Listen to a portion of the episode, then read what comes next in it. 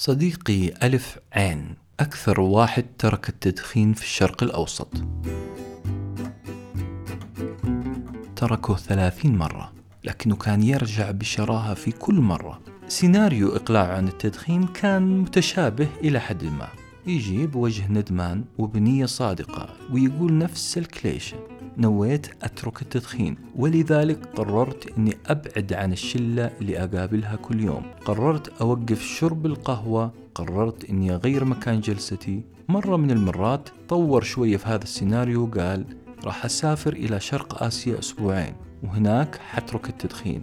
كلام حلو. بالعربي صديقي قرر يغير المحفزات اللي تشجعه على التدخين. لكن صديقي ما حسب حساب إنه عاجلا أم اجلا. حيرجع لنفس المؤثرات وحيضطر يجلس مع كل أصدقائه. حيرجع يحن لعادته القديمة. مشكلة صديقي مع تغيير العادات إنه حاول يغير الكون عشان تتغير عاداته. حاول يغير الأصدقاء مكان العمل حاول يغير الدنيا كلها. وهذه مشكلة. مشكلة لأن تغيير المحفزات يعني تغيير آلاف الأشياء في حياتك. أتوقع أنك سألت نفسك الآن أو سألتي نفسك الآن يا ترى أي مرحلة من مراحل العادات يجب أن أتدخل لوقف هذه العادة؟ هل أغير المحفز ولا السلوك ولا الجائزة هل تعلم بعد مئة ساعة من تدخين آخر سيجارة يكون جسمك قد تخلص من النيكوتين تماما؟ بمعنى آخر لم يعد هناك أثر للمادة التي أدخلتها للجسم وهي النيكوتين. المشكلة هنا أنه عقلك مو راضي ينسى عادة التدخين. في ربط قوي حصل بين جو الصباح البارد والنشاط اللي يعطيك إياه جرعة نيكوتين. إذا المشكلة هي العادة هي الربط. إدمانك لأجهزة الجوال نفس الشيء. تذكر معايا لما تسمع نغمة التنبيهات أو يشتغل الهزاز والجوال في جيبك. هذه التنبيهات هي محفز يخليك تستلم الجوال من جيبك وتطالع مين هذا اللي أرسل لي تنبيه مين هذا اللي منشني في تويتر مين هذا اللي راسلني على الواتساب. تبتسم بعدها على النكتة تفرح لنتيجة المباراة أو تبتسم على رسالة صديقك. الروتين هو أخذك الجوال من جيبك ومتابعة برنامج التواصل الاجتماعي. والجائزة هي رضا عن نفسك وشعورك بأنك جزء محبوب واجتماعي في هذا العالم. القاعدة الذهبية لتغيير العادات تقول التالي: اضرب رأس الأفعى، يعني اضرب السلوك السيء لا المحفز ولا الجائزة. مثلا المحفز كان وجبة فطور، هذا المحفز يخلي عندك رغبة في تدخين سيجارة مثلا. بعد التدخين حتحصل على جائزة وهي النشاط. الروتين السيء هو اللي لازم يتغير. تحتاج عملية إسقاط بالباراشوت لروتين جديد ما بين المحفز اللي هو الفطور والجائزة اللي هي النشاط بشرط هذا الروتين الجديد يجب أن يترك نفس الأثر للروتين القديم. يعني بدل تدخين سيجارة مثلا الكاتب يقول جرب تشرب دبل سبريسو أولا أنت حتربط المحفز اللي هو الفطور بكوب الإسبريسو. ثانيا أنت حتحصل على النتيجة المرغوبة وهي تركيز أكثر. الكاتب هنا كأنه يدندن على نقطة معينة. ادرس عاداتك. حدد المحفز وحدد النتيجة وأسقط بالباراشوت روتين آخر. قبل مئة سنة كان business صناعة معجون الأسنان في أمريكا نوع من الجنون زيه زي افتتاح مطعم شوربة ضفادع في السعودية. مستحيل ينجح هذا المشروع. كذلك مصنع معجون الأسنان لن ينجح في أمريكا لأن الأمريكي لم يتعود على تفريش أسنانه. اللي حصل أنه رجل أعمال أمريكي قرر إنتاج معجون أسنان. فاستشار ملك الإعلان في بداية القرن العشرين كلاود هوبكنز.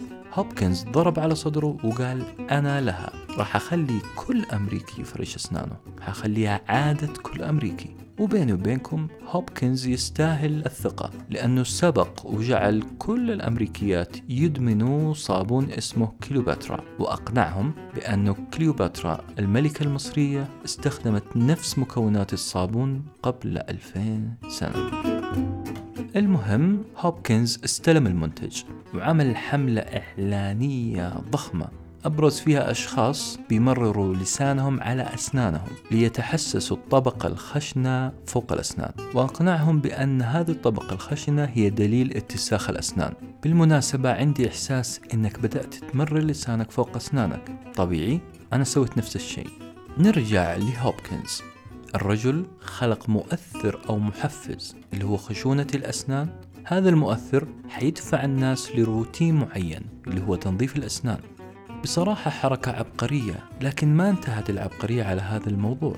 هوبكنز أكمل المعادلة. طلب من صاحب شركة معجون الأسنان أنه يضيف معطرات وزيوت ومواد كيميائية للمعجون عشان تنعش لثة الضحية. الأمريكي حيحصل على جائزة مرضية بعد تفريش الأسنان وهي الانتعاش والإحساس بالنظافة. بصراحة بدأت أقتنع أنه فكرة مطعم شوربة الضفادع فكرة مو سهلة. مهمة جدا قصة هوبكنز. هذه القصة تقول أنه بإمكانك خلق عادات جديدة من العدم زي جورج الأمريكي اللي حاول أن يقحم عادة الهرولة صباحا لجدوله اليومي. الرجل فعلا بدأ هوايته الجديدة يصحى من النوم بابتسامة عظيمة يلبس حذاءه الرياضي ويرجع البيت بعد حصته الرياضية ياخذ شاور سريع يفطر ويتجه للعمل. بعد فترة من هذا الروتين بدأت الابتسامة العريضة تختفي. بدأ يشتم نفسه وجيرانه وهو نازل الدرج. بدأ يكشر في وجيه الناس اللي تهرول في الشارع. اللي حصل بكل أسف أن الهرولة صباحا لم تتحول عند جورج لعادة. جورج ما حقق عناصر العادة. جورج كان ينزل مستعجل من الدرج للهرولة ويرجع مستعجل البيت خلال الهرولة كان كل شوية يطالع في الساعة عشان يتأكد إنه لسه باقي وقت على الدوام. كان ياخذ شاور سريع ويلبس ملابسه بسرعة ويتناول طعامه بسرعة. جورج حول حصة الهرولة إلى نشاط مليء بالقلق والترقب والتوتر. طبيعي عقلك ما حيخزن هذا الملف كوحدة من العادات. نقول لجورج شغلتين. أنت لا حطيت محفز يذكرك بالهرولة ولا أعطيت نفسك جائزة على هذا النشاط.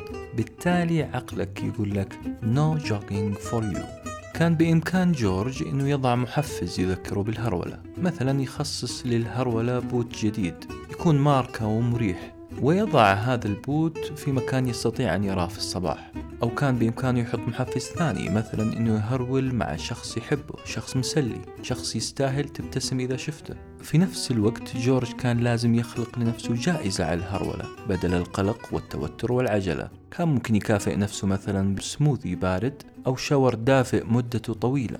أنت عزيزي المستمع وعزيزتي المستمعة احذروا من ألا تكونوا جورج آخر في هذه الحياة. كثير من المحاضرات والكتب تقدس عبارة قوي إرادتك. دائما ما ننسب فشل أي مشروع أو نشاط لأي شخص بأن الشخص ضعيف الإرادة.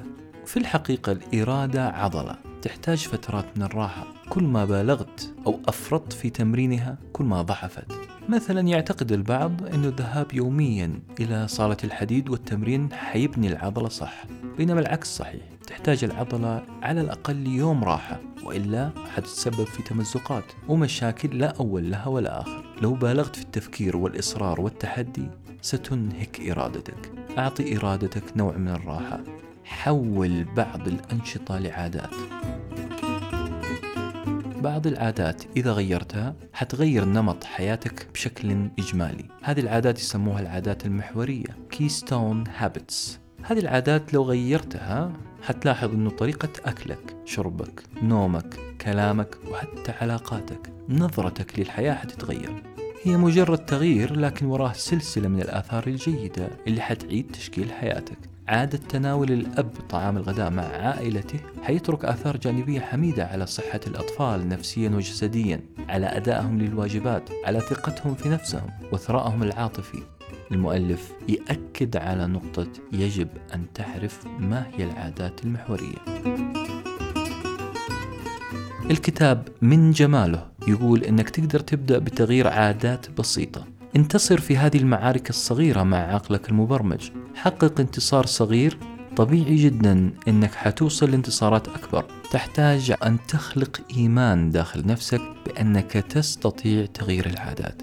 هذه هي قاعدة سمول وينز وأخيرا خليك خلاق لأنك في البداية حتصنع عادات عظيمة. لاحقا هذه العادات حتصنع منك إنسان عظيم.